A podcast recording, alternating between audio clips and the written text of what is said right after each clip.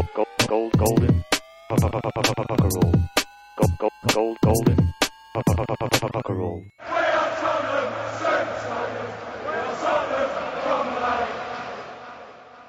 Hei og velkommen til Golden Cockerel. Vi er Tottenhams venners egen podkast, som du finner på tottenhamosper.no og får nedlasting i iTunes.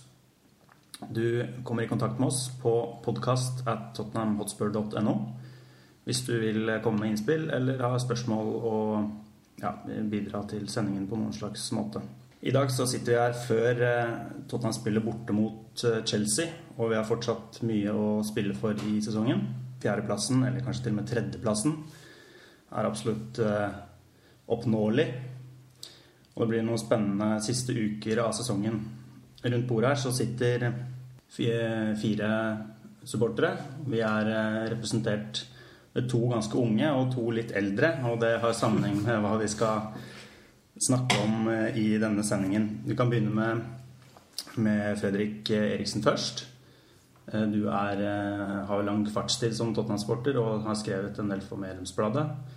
Du har besøkt en rekke stadioner i England, en groundhopper. Hyggelig at du, du er med. Hei. Petter Frydenlund, du representerer den yngre garde og er eh, nestleder i Tottenhams Venner. Du har vært med en del ganger her tidligere. Så har vi med igjen Vidar Edel, som er eh, Vi kaller deg vel president? Eller hva, hva er det offisielle Styreleder. Styreleder, ja. Men jeg vil gjerne kalle ham president. Jeg liker det. President i Tottenhams Venner også, Vidar Edel. Og selv så heter jeg Hans Marius Jacobsen.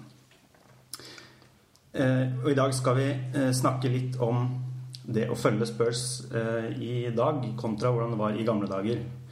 Det tror jeg blir en spennende runde hvor vi får høre mm, ja, forhåpentligvis mange, mange morsomme historier fra, fra gamle dager. Vi skal også få eh, et eh, eksklusivt eh, klipp fra når Petter var ute og møtte Steffen Freund. Du er jo stadig vekk ute og, og snakker med kjente Tottenham-folk.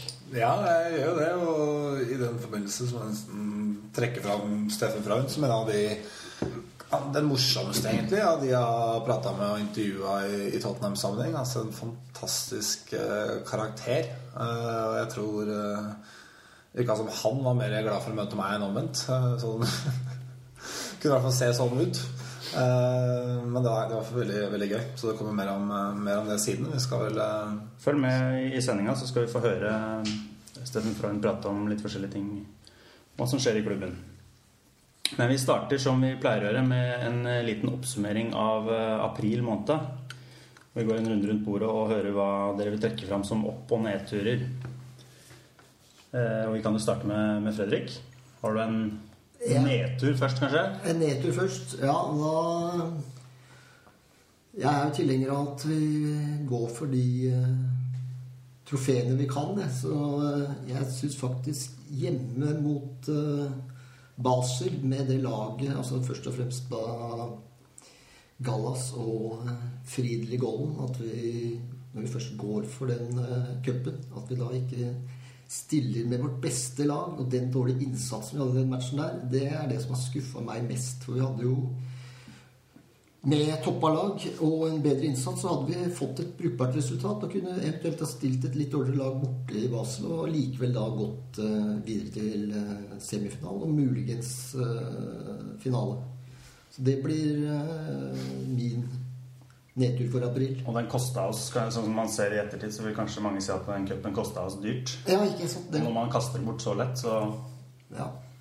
Ja, ikke som å spille med, med Bale og Lennon og risikere skader og 120 minutter i Milano og i Basel og så for å bruke nest beste keeperen vår.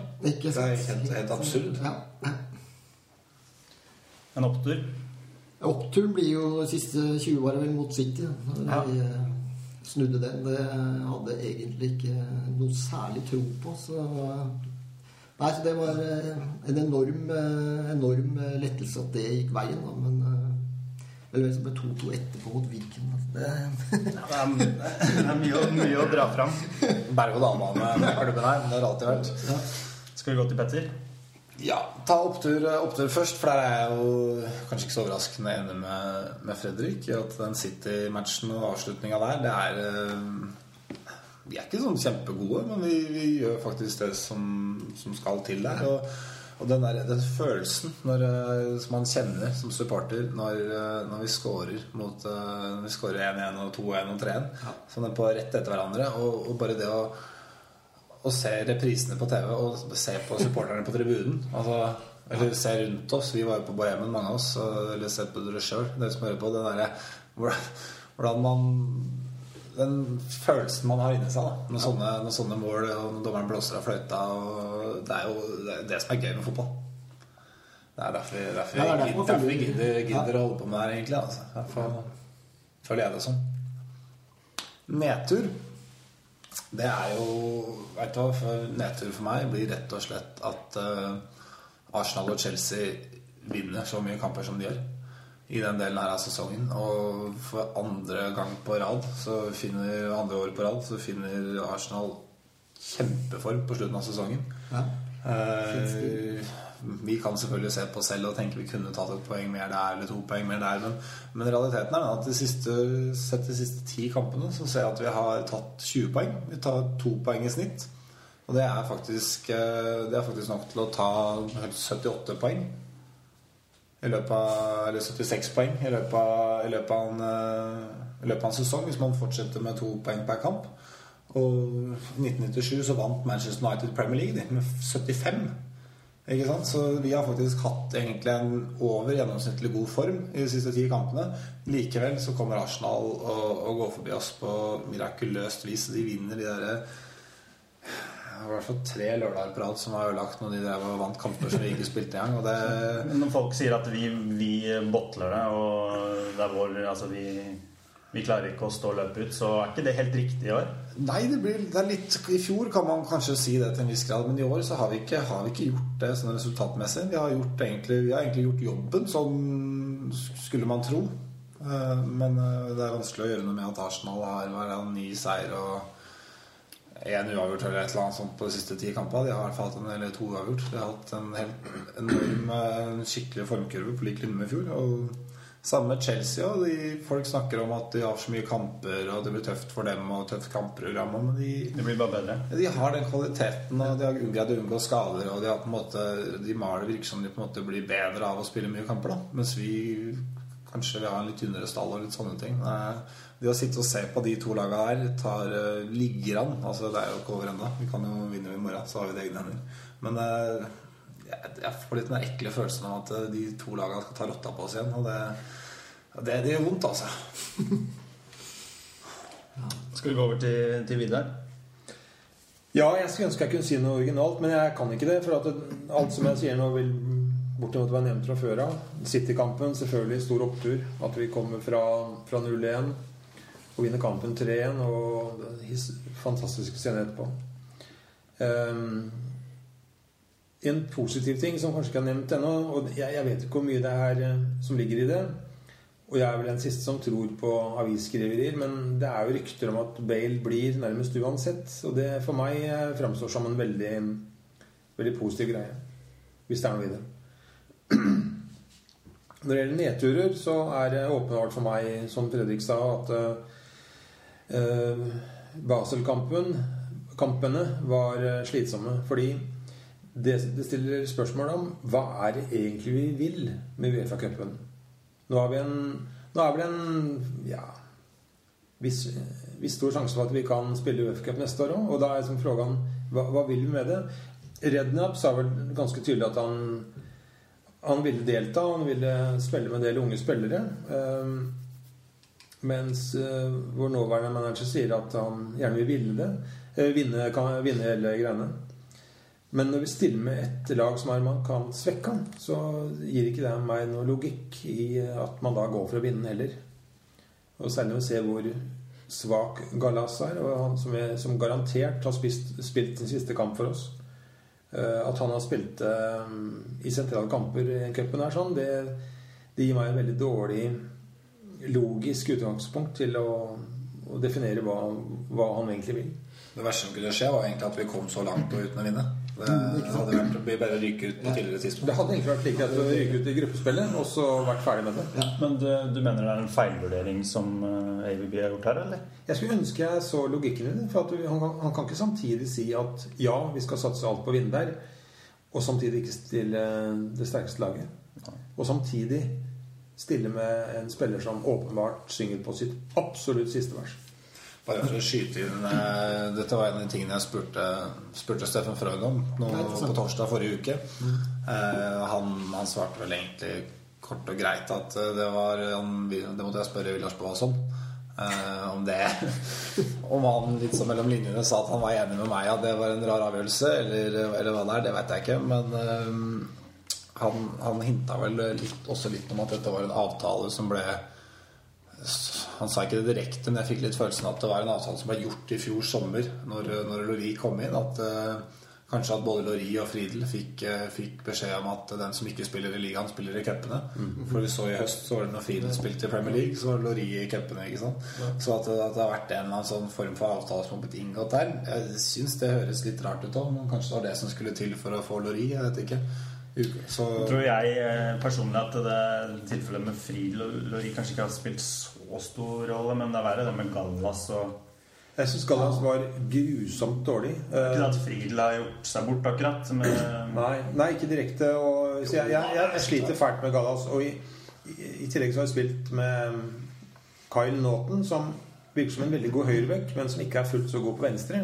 Hvis du da spiller med han som, eh, sammen med Galas i, i forsvaret, så har det to stykker som i min verden ikke er eh, gode nok i de pos- posisjonene du er. ja, men... Og det, det her sprer seg til resten av laget òg. Det sprer seg bl.a. til den defensive midtbanen, som gjør at de, de får mye mer å gjøre. Og det ødelegger jo laget som helhet.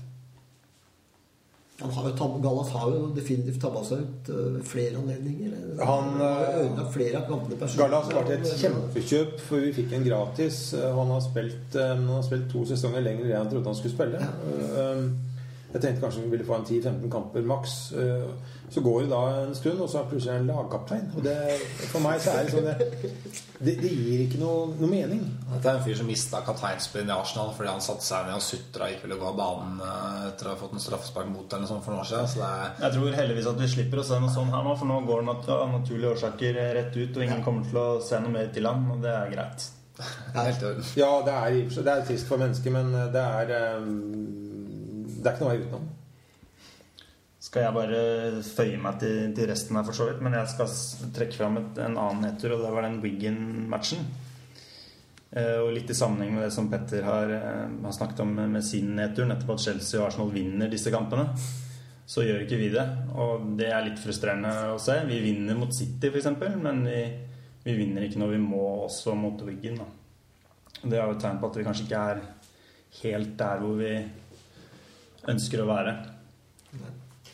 Jeg syns vel også tidligere i sesongen, da, når vi har gått opp i ledelsen, så har vi vært flinke til å holde på den, men det klarte vi ikke der i det hele tatt. Ofte kommer jo vi bakpå tidlig og må jobbe oss inn igjen, men øh, Nei, nå har vi begynt å slippe inn mål, og det er også noe du snakket med Steffen Frøyen om, som vi får høre litt mer om senere, som sagt. Gold, gold, gold, golden. Da eh, kjører vi over på neste tema, og vi skal snakke litt om, eh, om hvordan det var å følge Spurs eh, før i tiden. Og vi har to, som sagt, to representanter her fra tidligere tider. Det var litt stygt sagt, kanskje, men dere er litt eldre enn meg og Petter. Det er morsomt for folk å høre, tror jeg, hvordan, hvordan det var å følge, følge Tottenham i gamle dager. Jeg og Petter har jo oppvokst i en tid hvor vi også har opplevd å se på resultater på tekst-TV. Men det har gradvis gått over til å følge Tottenham på, på internett. Og nå kan vi jo se, se kamper når vi vil. Både på, på PC og på, på pub. Og vi får, får det rett hjem, i- rett hjem i stua. Eh, Men det var jo veldig annerledes før. definitivt. Kanskje vi kan starte med å spørre hvordan dette startet for dere. Hvordan ble dere Tottenham-fans, og hvordan oppdaget dere engelsk fotball? Du spør meg først? Ja. Nei, det var to øh, Først og fremst to fettere som var fire-fem år eldre enn meg, som øh, hadde engelske lag, da.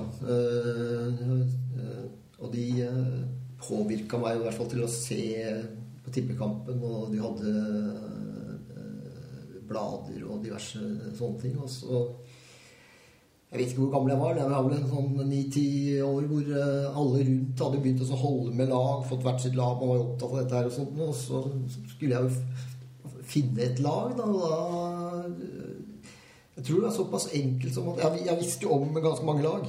Jeg hadde et slags forhold til en god del. Men det var eh, i Sportsrevyen da, på søndagene, så var det da, hvis man var heldig, så var det ett ekstra eller to innslag fra engelsk fotball så helt mot slutten av revyen. Og da var det en gang det var eh, fra Liverpool eh, Tottenham, hvor eh, jeg husker da Alan Gilsiden, den skallede mannen som så ut for mitt ti uh, år gamle hode den gangen. Så ut som han var 50-60 år. ikke sant? Og jumpe to meter opp i lufta og nikker ned til Martin Chibbles, som da var eh, putta Du husker faktisk øyeblikket når du ja, ble Tottenham-fan? hvert fall, det, det, er, det står for meg som veldig avgjørende det der, at jeg så, eh, så det at jeg så det. Altså, jeg hadde jo et slags forhold til både selvfølgelig til Tottenham, men også til Chivers og si visste hvem de spillerne var. Litt eldre menn, da. Ja, så da kan jo nærmest virke som det var et eller annet at han var en helt sånn kultgreie rundt det selv om han ikke hadde begrep om det kultopplegget da han var, så- var så liten. Da, men altså et eller annet han var sprøtt at en så gammel spiller eh, kunne være så god. Men han var jo bare 3-34, ikke. Men så når du hadde valgt lag, da Ja, I, så- I dag for eksempel, så, jo, så går vi jo rett på internett, ikke sant? så ser vi hvem andre er som driver med dette Ja, her. da hadde jeg Jeg hadde fått en svær bunke med Det var to fotballblader på den tida, eh, engelske fotballblader, som man fikk kjøpt. Det var Shoot, og så var det Goal. Begge de Spesielt Shoot var jo mer for småunger, eh, nærmest. Da. Det var jo jeg òg. Men det var jo fargebilder. Det var, det var vel åtte fargebilder i Shoot. Eh, Så da var det jo å gå gjennom der og så klippe ut alle samtlige bilder jeg fant med, med Tottenham. Samme i Gold. Da. Det var mer glansa blad. Var for, det var jo et bedre fotballmagasin, det. Men eh, det var jo bildene som gjaldt på det tidspunktet. der. Man leste jo ikke så veldig mye. Og eh, og kunne jo ikke engelsk noe særlig. Så var det å få det opp på veggen.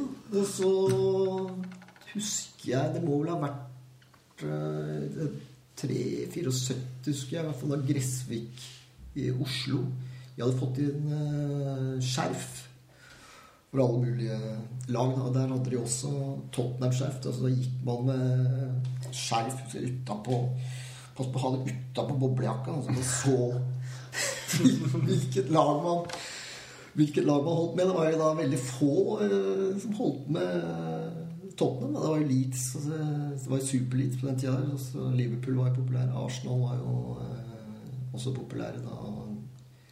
eh, med sine prestasjoner tidlig på, på 70-tallet. Eh, og så var det jo da å se på tippekampene. De gikk jo ikke da i Altså under den norske sesongen, for da var, ville det være konkurranse med norsk eh, fotball. Så det var jo først eh, Kampene begynte sånn i slutten av oktober. Og gikk til ja, 1. april eller noe rundt der.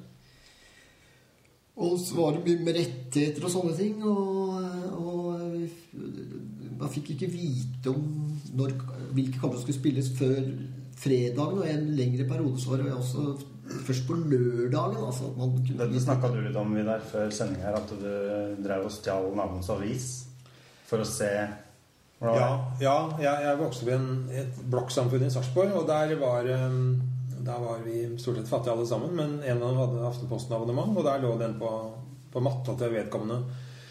Eh, Så hver fredag så sto jeg opp tidlig og dro ned for å se hva som For å bla opp i avisa.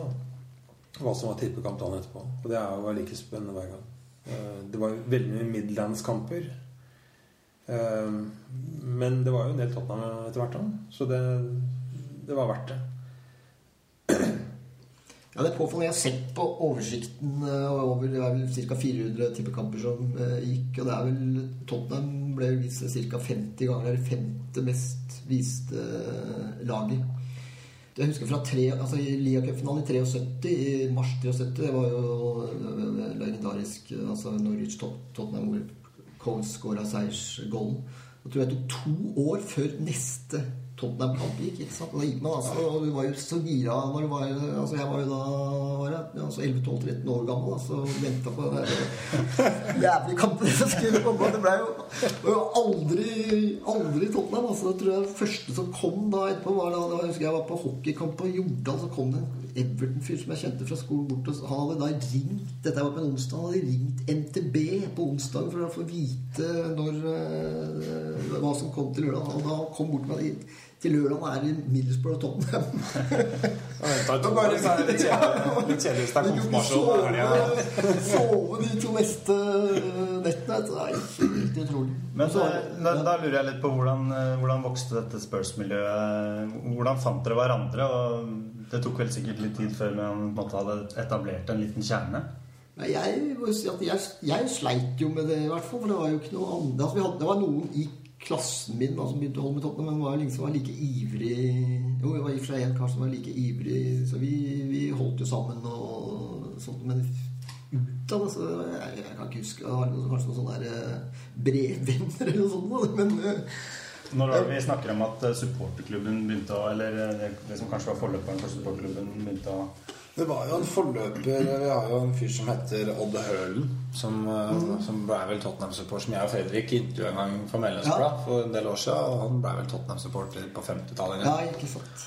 Eh, og han starta noe som ble forløperen til Tottenhams Venner. Eh, I 1972, mener jeg han fortalte at det var. Og da hadde han sendt et brev til England, til klubben i England for å finne ut, for å få navnene på alle norske, norske medlemmer av Tottenham i England. da Hadde fått en liste på jeg tror det var 34 personer eller noe sånt. Som han da begynte å sende Han begynte å sende ut et brev. Og han introduserte seg. Og det var ikke noen sånn ordentlig supporterklubb sånn, men han, han fikk dem til å stemme på årets spiller. Og det som, det som ble greia ut av det, var at eh, han Odd Hølen, som eh, lever i beste velgående i dag, han eh, dro over da til eh, England en gang i året på slutten av sesongen og presenterte en, en vikingskip sånn gravert, gravert inn hva de kalte seg Spurs Supporters Norway eller et eller annet, et eller annet sånt noe. Og gjorde det flere år tidlig på 70-tallet. hvor, eh, Jeg tror i hvert fall Martin Chivers vant et år. Det er ja. Er bilder i enkelte av de gamle programmene hvor han står med vikingskipet mellom seg og spilleren.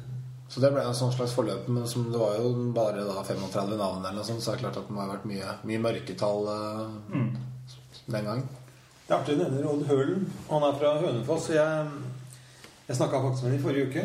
Uh, Vi snakket med ham sånn fra tid til annen. Og um, Odd Hølen er jo nevnt i boka 'Kong fotball', som kom ut i 1972. Og det er jo en av grunnene til at jeg uh, er Tottenham-fan. Når jeg fikk den boka der, og han var da ett år i Tottenham-garderoben, og da, da var jeg solgt så det holdt, da. Jeg var på min første fysiske kamp før 1977. Da var jeg 16 år. Um, og dette var da i um, den tiden hvor White Hart Lane hadde The Shelf, som var eh, en kjempesvær den østlige tribunen. Uh, hvor man da det var et stort poeng å komme ganske tidlig på kampene for å få plass der oppe. Og der, der gikk jo Der var det en god del bevegelse i, i kroppene som, som, som rekte rundt der. Så det var jo eh, underholdende på alle mulige måter, egentlig. Ehm, men fra jeg så Villa-kampen og leste Glory Game i 1971-72 til jeg var på kamp i 77, så var det jo radioen som gjaldt. Da øh, hørte jeg på BBC2, mellombølga, som senere ble, til BBC5, som du kanskje husker, Fredrik. Ja, Ehm, og da var det å sitte da Mo Spik aleine på gutterommet og høre på kampene. En av de kanskje, eller kanskje den største nedturen ever, det var å sitte helt alene på gutterommet på en eh, Jeg husker ikke når det var, men det var for elendig vær. Alt var bare trist. Og Tottenham eh, tapte 5-0 for Arsenal. Og du hørte på den, ja? Å. Ja. Mellombølga var sånn at jo, jo lysere det ble i været, jo vanskeligere ble det å få den inn. Eh, og, og i vår tidsalder så er dette en sånn, sånn mystisk greie, men det her var et faktum. Ja. Eh, en annen ting jeg kan nevne, da, som dette er en kuriositet, men uh, vi snakker om tidligere 70-tallet, så jeg bodde i Sarpsborg, og jeg, jeg dro alltid innom noe som heter Solveigs butikk, som var en godtekiosk på vei hjem. Og da kjøpte jeg godteri for fem kroner. Det ble 50 enheter. Og de spiste opp da fra radioen, ikke sant. Um, så åssen det her helsemessig tok seg ut, er jeg usikker på. Men eh, eh, Petter har jo nå nylig vært på, på det nye treningssenteret til Tottenham. Og, eh, og det har også vært en litt sånn spennende utvikling altså med hvordan fotballen har modernisert seg, da, og med sikkerhetstiltakene som du opplevde, Petter, framfor hvordan det var å, når dere først kom til England og dro på turer. Det kom sikkert ganske tett på laget også, og kanskje noen historier fra, fra det? Jeg, jeg var jo jeg klarte å få overbevist foreldrene mine om at jeg måtte dra til England eh, og se på Tottenham eh, da jeg var eh, 13. Altså jeg sparte et helt år, og julepresanger og bursdagspresanger alt gikk nå til den der turen. Jeg var over i påsken 76, og da kom eh, altså, det jo rett, rett opp på White Hart Lane, selvfølgelig. Uh, Fattern og jeg. Og så, det var bare å spasere rett inn på, på White Hart Lane. Jeg også sto og så på uh, laget trente. Da. Det var helt, ja, det helt ubeskrivelig altså, å se de gutta live. Og så- Justin Bieber eh, ja, garantert. moment for deg? Ja, ja, garantert. Og så eh, etterpå så kom de jo forbi. Jeg sto i autografblokka, men jeg, klarte jo ikke å gjøre noe som helst. Men jeg gikk da, inn i garderoben og dusja og en med annen og kom ut igjen. Og da fikk jeg blokka fram. Men eh, det var ja, Da var vi også på Skjesund, der det het, altså treningsfeltet da. Der var det også bare å gå rett, eh, rett på inn i Vi var inne i garderoben til og med. Pluss at eh, Jeg vet ikke helt åssen det inn, men plutselig så ble vi, fikk vi lov til å sitte på med bussen tilbake til Tottenham da, med ungdomslaget. Så eh, Nei, Man kommer definitivt nærmere den gang, men allerede i Jeg var over igjen da i 80, til seriestarten i 80, og da, da var det helt annerledes. Da, da var det stengt. Da kom du ikke inn eh, på hvert talent på en vanlig, vanlig dag, i hvert fall. Jeg veit ikke om det, også, det er med Nei, Jeg var, jeg var også på Chessum, som var et fantastisk sted. Det var en sånn nærmest parklignende sak. Ja. Utrolig velfrisert og flott. Ja. Der kunne du egentlig labbe rundt på treninga Ja. og i teorien ta del i the kickabout på plen. Um, jeg har også vært Vi var faktisk sammen på et bryllup på White Hart Lane for noen Ja. år siden. Og, og da, den var jo forholdsvis åpen. Eh, Det var ikke noe sånn sjekkpost etter hvert, eh, etter eh, hva jeg skjønner. Um, så jeg skulle ikke når vannskillet egentlig var. Men sånn som det er nå, så vil jeg tro det er um, i takt med at um, Det kan være i takt med at spillerne har en annen verdi nå enn de hadde. Eh, tidligere var de kjøtt og blod og tjente kanskje maksimum dobbelt så mye som gjennomsnittsarbeider. Nå er det en helt annen greie. Nå er det så mye penger i det at det, dette er et aktivum som klubben antar antageligvis vil, må forsvare ved å gi dem maksimum sikkerhet. Åssen opplevde du det, Petter, når du, når du var der nå på, på det nye anlegget? Det har endra seg veldig. Jeg har vært på den gamle Spurs Lodge noen ganger. eh, Som vi da hadde, hadde fram, til, fram til i fjor.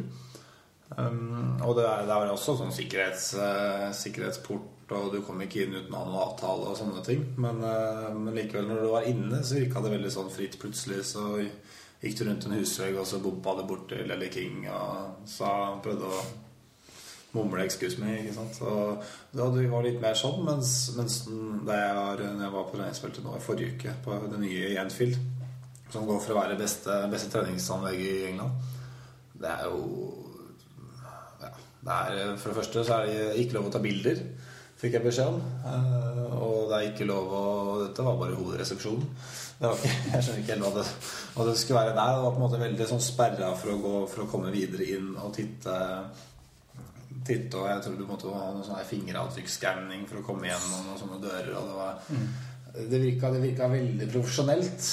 Og det er på, på en måte, en måte litt, litt stilig, men på en annen måte så er det jo litt så, så er det jo et bilde av at, at fotballspillere og fotballklubben i dag har distansert seg litt da, fra, fra supporterne, og at det blir eh, Det er noe Ja, det er noe sånn Og Der syns jeg, det, jeg ligger noe litt interessant, og derfor syns jeg det er spennende å høre om, om dette også. Og kanskje om, om uh, interessant å høre hva dere syns Om det er noe forskjell på å følge Tottenham nå og, og før. Det, var det morsommere før? Føler dere at det har vært en naturlig utvikling, eller var det noe i det når dere følte dere var en del av klubben i større grad enn dere er nå, kanskje? Som, som var morsommere? Ja. Jeg skulle ønske jeg hadde noe godt svar på det. ehm, For jeg tar høyde for at vi som mennesker kan også forandre oss i takt med det. Eh, Det er klart Jeg savner jo fra tid til annen det fotballen egentlig var i England i gamle dager, nemlig lukta av gress og hamburgere og um, som du til treffer på de mindre banene i dag. Hvis du drar på Laton Orient, hvis du drar på Dagenham og Redbridge eller Brentford, så kjenner du virkelig lukta av gress og gjødsel. Du kjenner den uh, lukta av um, de burgerne som fastlegen din på garantert ikke vil anbefale å spise. Og du um, du kommer inn på en bane hvor det er 2000-3000 til, eh, tilskuere, og du hører noe enorm vræling, men det er fra spillerne, for du hører hvert eneste eh, hyl og skrik fra banen. White Hart Lane, gudskjelov, er ikke plaga med sånne mm, stål- og betonggreier ennå, men det fins så mange baner i England som eh, det er en nedtur å dra på, vil jeg tippe. Og som sikkert er eh, en skam å være supporter av. Og jeg håper det for Guds skyld at den dagen vi får vår nye stadion, at man tar hensyn til det her. For det er veldig lett å bli upersonlig, og da syns jeg det mister mye sjarm. Da kan klubben være så rik man vil, men det er ikke så mye humor igjen, syns jeg. Da tenker jeg vi går naturlig over til det jeg tenkte å stille ett spørsmål til. Og en, en sammenligning til. Og det er noe som vi har vært inne på tidligere her i, i Golden Cocktail om stemningen på White Atlant. Som vi har ja, vi har vel eh, kritisert litt, eller, eller snakket litt om at den har blitt betydelig dårligere i år og kanskje de siste årene. Hvordan var det før? Dere snakket om at dere Du snakket om eh, at dere sto på The Shelf. Hvor- Hvordan er forskjellen Ja, jeg vet ikke. Jeg, jeg syns jo White Hart Lane eh, Ikke akkurat i år, men åra rett før der har vært fantastisk stemning. Også i år har det vært veldig mye bra stemning der. Vi kan ha en tendens til å glorifisere det som var i gamle dager. Jeg husker jo eksempel at eh, de spillerne som ikke hadde veldig høy stjerne blant supporterne, de fikk jo høre det. Eh, og I mye mer grad enn vi gjør i dag. John Pratt, for eksempel, fikk jo så øra hang. ikke sant? Og det er veldig trist, for han var jo en veldig ærlig og oppofrende spiller. Eh, til en viss grad også Barry Danes, som jo tok opp for Pat Jennings i sin tid, fikk jo også fortjent eller ufortjent eh, mye kritikk. Og, Mer fortjent enn eh, John Pratt, i hvert fall. ja, og så så hadde vi Mark Kendall, som jo eh, i, til folkemunne var rett og slett feit. Og han fikk jo også høre det. Um, det er jo sjelden vi hører sånt i dag. Jeg har hørt på Tårnestad et par ganger. Men Jo, men ikke, ikke, på de, ikke på den nivået der. Sånn. Det var sånn at uh, spillerne omtrent uh, flyktet tilbake i garderoben. Uh, så ille var det. Så det, det klart det, var veldig mye trøkk, og det var jo um, Ståtribun og mange flere inn på samme sted? Ja da, ja, da absolutt. Men vi snakker, vi snakker nå Vi må ikke glemme at vi snakker om det som fotballmennesker kan kalles the bad old days, hvor det var lett å få seg en på trynet. Og jeg har jo selv vært heldig ikke uheldig og vært på begge sider og fått dem på trynet på kamper. Og det Sånn, sånn skjer det ikke da. Bare en ting som jeg synes som er interessant eh, når man snakker om stemning på tribunene før og nå. Og det er eh, Jeg husker jeg så en, eh, jeg så en undersøkelse som var gjort fra, fra, fra Old Trafford. Men det er helt sikkert overførbart til Tottenham og andre klubber også. Og det var at gjennomsnittsalderen på Stratford End, som er på en måte hovedtribunen for den hardbarka United-fansen, den var gjennomsnittsalderen var da 17 år en eller annen gang på 70-tallet. Av de som sto der, var gjennomsnittsalderen 17 år. Mens den i dag er nærmere 50.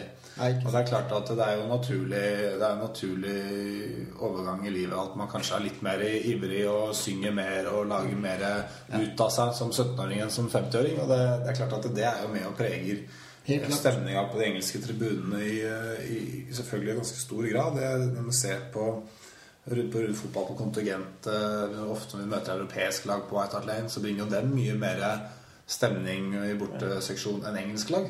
Og samme når vi reiser til andre kamper i Europa, for der har det ikke sant, skjedd en utvikling som ikke var før. For før var det så alle til England, der det var mest stemning. Sånn er det ikke lenger. Og der når vi ser supporterne til eh, La oss ta Basel som et eksempel.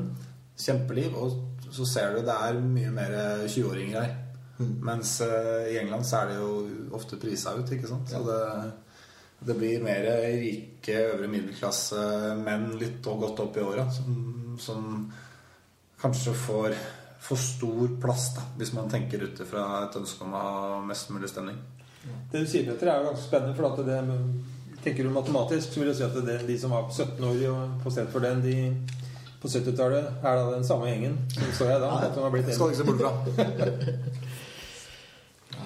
Men eh, var litt tilbake til det du sa i stad. Det som, er, eh, som jeg syns er eh, kulere nå, da, det er jo at og det har vært de siste eh, 15-20 åra, det er jo at det har vært lettere å treffe andre Tottenham-supportere. For på 70- og 80-tallet, i hvert fall for mitt vedkommende, så var det jo det var jo ikke noe sted man møttes. liksom. Det var ikke noe sted man kunne gå og snakke om matchene og sånne ting. Da man opererte jo helt på egen hånd. Traff man noen som holdt med Tottenham, så, hadde, så, ja, så satt han jo og preika i langsommelig tid om det, liksom, noen favorittspillere og en eller annen, Men nå er det jo kan du preike om helt andre ting òg, som er eh, Jeg setter stor pris på, i hvert fall.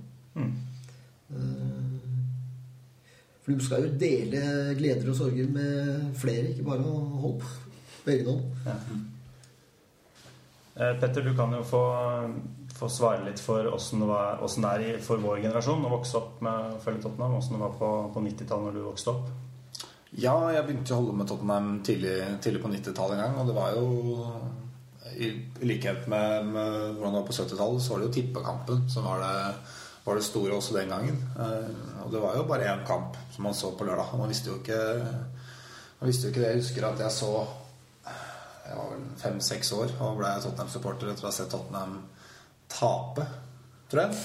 Ja, det var det. Jeg syntes synd på de hvite. og ville se dem. Og faren min, eh, faren min skjønte vel sånn halvveis at jeg var noe interessert meg for. Han, men han tenkte vel at det var fotball jeg syntes var gøy. Så jeg eh, skulle da se fotball neste, neste lørdag også. Men jeg da skjønte at det ikke var Tottenham som skulle spille to lørdager på rad. At det var plutselig var noe annet. Da var det, da var det en stor nedtur. Um, så var, så man blei jo litt sånn sultefòra på, på, på å se favorittlaget sitt.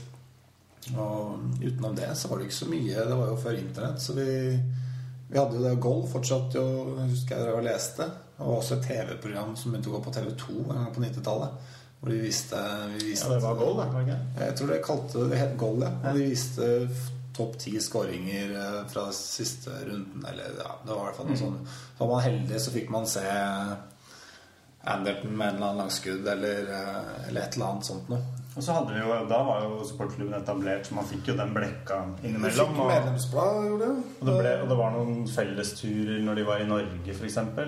Dro til Lysekil, husker jeg, og spilte der og var litt rundt da, med, med flere andre. miljø, og jeg husker Jeg husker begynte å vanke på Bohemen som, allerede som 13-åring. Eh, Prøvde å snike meg inn og bestille en cola, sette meg i hjørnet og håpe at jeg ikke ble kasta ut. Eh, Jeg ble jo kasta ut kanskje annenhver gang de første to åra jeg var der. Men jeg ga meg ikke, og etter hvert så ble jeg tatt inn i varmen. Og innen jeg var eh, 15-16 år, så hadde jeg vært der i såpass mange år at jeg at de, de trodde, vel jeg var, trodde vel jeg var gammel nok til slutt. Så det ble jo mer et miljø. Og som nevnte, supporterklubb. Jeg var medlem i supporterklubben og leste, leste det som sto der. Og det var just en sånn dagbok, for dette var jo før internett, så man kunne lese en sånn dagbok over hva som hadde skjedd skjedd i klubben de siste, siste tida. Og drive og kunne lese to måneder for seint at vi hadde vært linka til Berbatov Nei, Rebrov, eh, Rebrov mener jeg. Eh, Eller altså sånn Det var ufattelig gøy. Da husker jeg at jeg drev, spesielt på sommeren, hvor jeg var interessert i Transfernytt, så drev jeg og ringte en sånn telefontjeneste som het Clowns. ja. Stemmer stemmer. Hvor man kunne få det siste nytt, da, noen ryktebasert 815-nummer. Svindyrt. Det var liksom medier da. Ellers så måtte man jo se det Innimellom så sto det litt på tekst-TV, men det var jo begrensa. Husker jeg På Clown så jeg også ut fra tekst-TV. jeg husker jeg, jeg fikk, jeg fikk vel kjeft av mora mi i hvert fall én gang for en litt høy telefonregning. Da hadde jeg, hadde jeg ringt og det stått at Tottenham hadde signert en ny keeper som sånn overskrift, og så skulle du ringe og betale for de greiene. da. Jeg måtte jo selvfølgelig vite hvem den keeperen var. Så jeg ringte jo, og du må jo høre gjennom alt mulig annet tull ikke sant, for at telleskrittene skulle løpe. Og etter masse om og men da, så kom det fram at det var uh, nye keeperen var 17 år gamle Shwan Jalal fra et eller annet sted i Irak. Som selvfølgelig aldri spilte på Tottenham. ikke sant? Dette kosta jo sikkert eh, mora mi 30-40 kroner å finne ut av.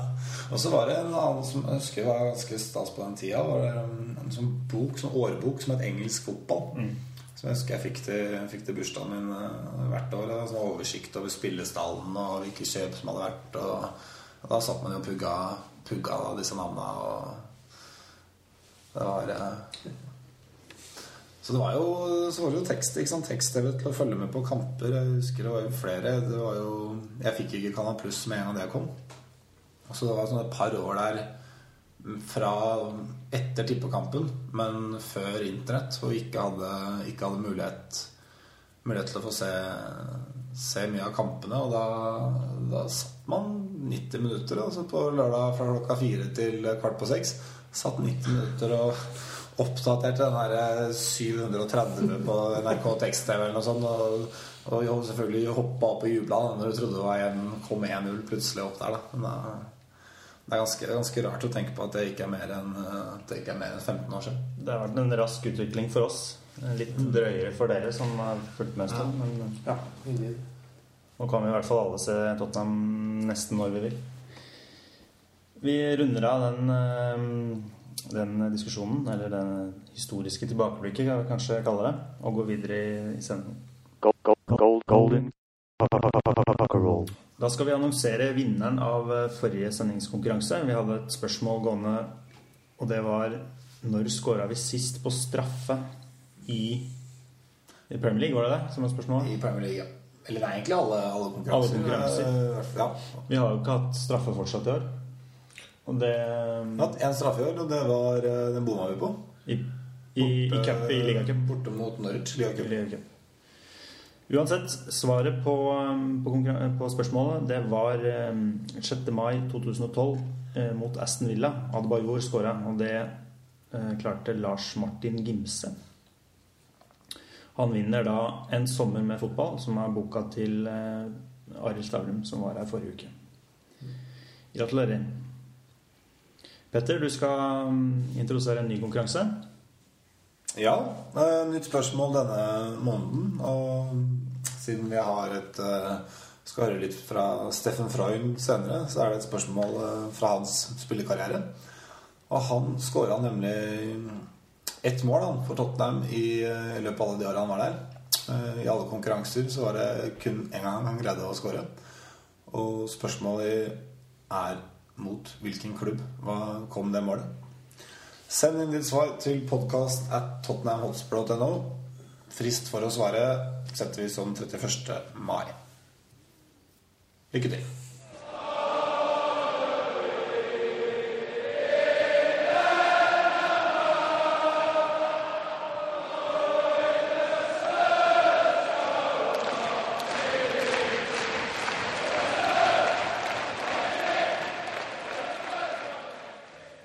Skal vi gi ordet til, til Petter. Du har vært på um, treningsfeltet til Tottenham, det nye anlegget, og truffet Steffen Freund. Ja, det, det var jeg torsdag, torsdag nå i forrige uke. Og det var jo For det første, som jeg nevnte litt i stad, at det er et fantastisk, fantastisk treningsanlegg.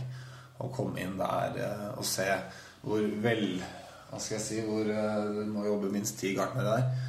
Og på en måte se hvor proft, hvor proft alt er. Det var eh, virkelig, virkelig imponerende. Og men eh, det morsomste er jo selvfølgelig eh, det å treffe, treffe Steffen Freud. Som, eh, som jeg nevnte innledningsvis, så er han Mitt inntrykk når jeg treffer han er at han er like, minst like entusiastisk og, og ivrig som det man, eh, det man ser, ser han på TV. Og han, han virka genuint opptatt av å treffe meg. Og, og, og det med Vi snakka litt om uh, Tottenham som supporterklubb i Norge, og han var liksom veldig opptatt av hvor mange medlemmer vi hadde, og lot seg, lot seg imponere veldig, veldig av det. Og jeg hadde jo med, jeg hadde med medlemsbladet vårt. Eh, Det er en utgave fra tidligere denne sesongen her, hvor vi hvor har Steffen Freund på, på forsida. Og jeg hadde med det da for å vise, vise håpe at det ble en litt sånn god, fin inngangsbillett. Men eh, den blide tyskeren som kommer ut døra og hilser på meg, han har jo med seg akkurat samme blad. og, og peker, ikke sant, og meg på forsida, og ser på meg, så slår han seg på brystet og Stoltz, Stoltz. Han mente at det var en av de favoritt, favorittbildene hans av seg selv. Han mente at han så så, han så, så stolt ut og så hadde slått, så tok hånda si på, på den cockrailen på, på treningsjakka. Da. Så det er jo det er morsomt, og han skjønner jo selvfølgelig ikke hva som står, men det er, det er, liksom, det er kult å vite at, eh, at eh, vi sender jo bladene våre til, til Tottenham i England, og, og at, de da, at det da er noe, et produkt som de, som de vet om. Da. Og for å si det, så kommer det jo en, en fyldig reportasje i neste medlemsblad, hvor, du, hvor vi får alle, alle spørsmålene og alle svarene. Ja, jeg fikk, eh, jeg fikk jo innpass eh, Jeg satt sammen med, med Steffen Freund og, og pressesjefen til Tottenham i, i tre kvarter og, og snakka om forskjellige ting. Snakka en del om eh, selvfølgelig Tottenham, sesongen vi har hatt nå, og litt om annen tid som spiller, og selvfølgelig nå som trener, og litt om tysk fotball, siden det er, siden det er litt interessant og aktuelt nå for tida. Så det ble et veldig, et veldig langt intervju. og Han virka veldig ærlig og åpen om ting. Og, så det er, det er mye Det var veldig, veldig morsomt å sitte der og høre på han. Og jeg, jeg tror, at det blir veldig morsomt å, morsomt å lese, lese i det kommende medlemsbladet. Så hvis noen ikke er medlem i supporterklubben, så er det bare å skynde seg å melde seg inn, så får dere blekka i posten. Men som en, eh, et eksklusivt bidrag her i Golden Cockerel så skal vi også få høre litt av, av intervjuet. Og, og han har mye, mye bra på hjertet, som du sier. La oss bare høre litt på hva, han, hva dere snakket om. So, um, you were here many years as a player as well. and How would you say, you mentioned the training ground, but apart from that, in what way has the club changed since you were here as a player? a lot in, in I think in every single department. More people are involved, more financial power, more uh, more people on the full um, contract. What is it? On a, on, on, on, on, on a full time job. Full-time job, Yeah. yeah? I don't know, is it around two hundred or something? Maybe. Yeah, Maybe like you know, I, make it easy. Hundred here at the training ground, hundred uh, at the White Hart Lane, maybe more. Yeah. We talk about full time jobs, and then we still have half time and uh, Part-time. and then uh, and, and- yeah part time and then and then uh, yes plus jobs, plus uh, a game when we have a home Match day- game, match day match day uh, contracts, unbelievable. And I give you uh, the, club is massive now Yeah. we, we you know and we talk about uh, 200 people on a full full base what is it? Full-time. full-time uh, uh, uh, Basis. basis Yeah. contract this I think 200 in the German FA I work for the German FA and that's the biggest association in the world. Yeah. 6 million or over 6 million members. And they have 200 and I was one as the under 17 coach. Oh. then you know how big we are now. Tottenham Hotspur. It's a fantastic brand and it's a fantastic football club. And uh, we what do you say? Can I say we always survive? We'll be we're, we we always there. It doesn't matter what we are doing in, in 10 years the club is something special and it's great to be a part of it Good answer. um, as a player, you became a very popular figure among the supporters. Um, why do you think that was the case that you became, you know, got this special relationship with the fans? And about my attitude, about my attitude uh, on the pitch, hundred percent. Always give everything for the team. Plus, in the end, I think the supporters realize he's, he's giving everything on the pitch for for the club. And uh, and I think it is my character um, that I try always to you know to give everything.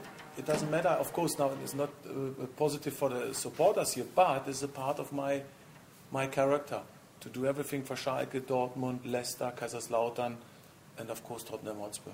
yeah, And before in youth teams, uh, Brandenburg and Motor Südbrandenburg, small clubs, it was always my attitude but did you have the same? and I had always. I had always a, a work rate.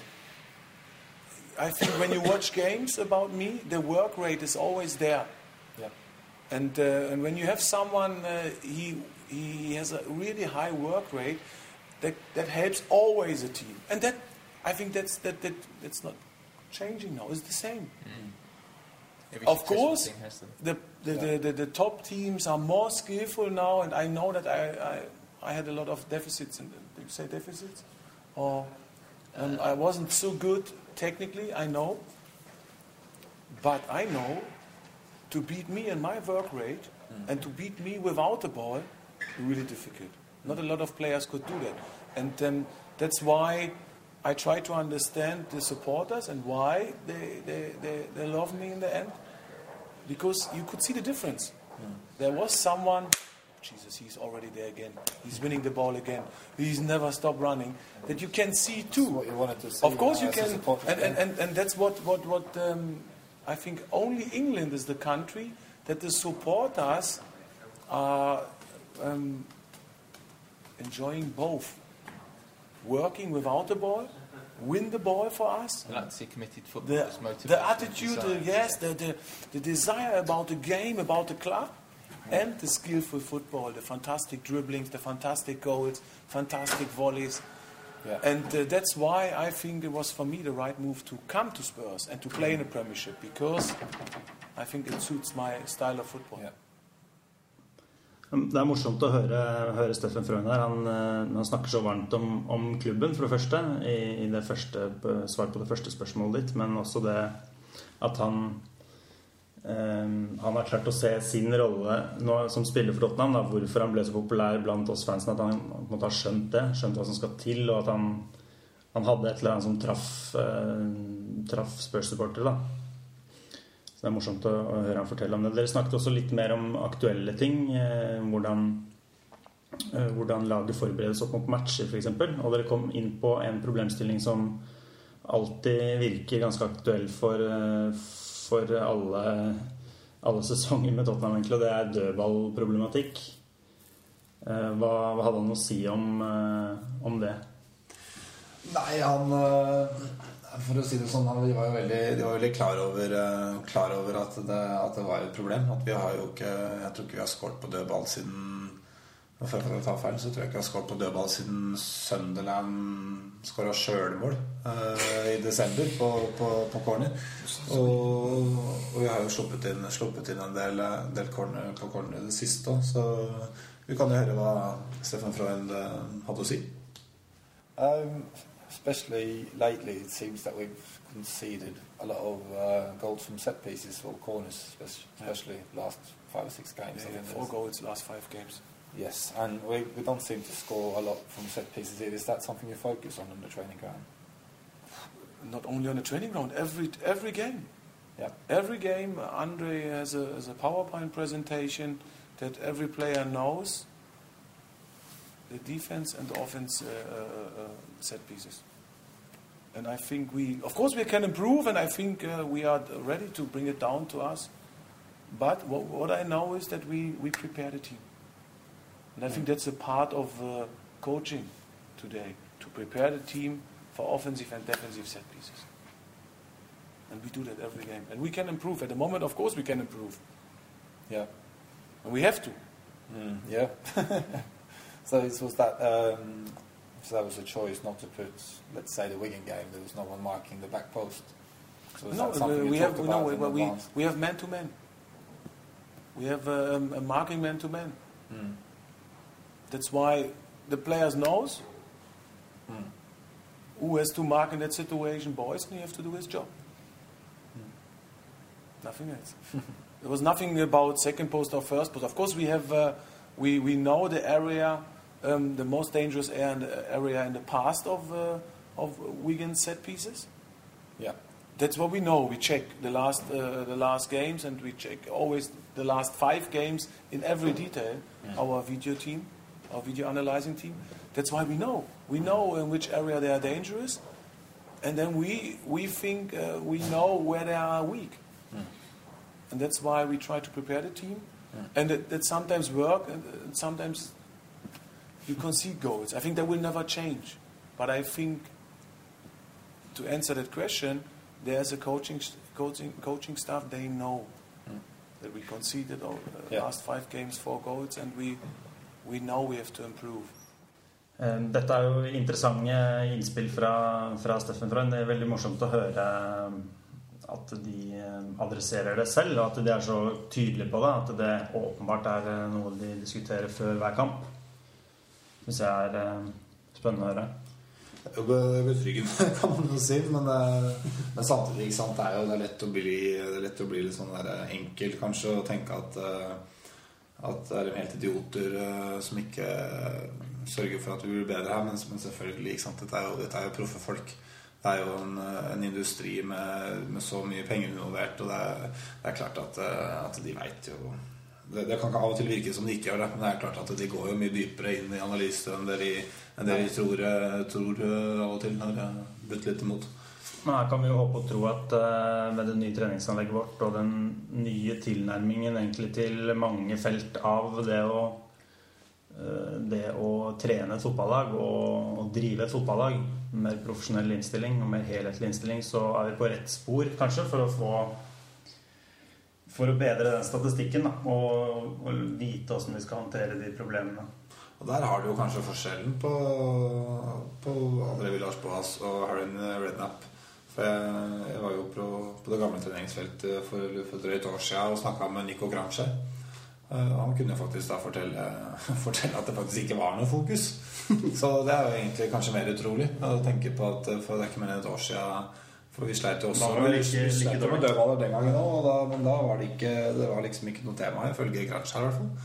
Det, Vi får håpe det, det går rett vei.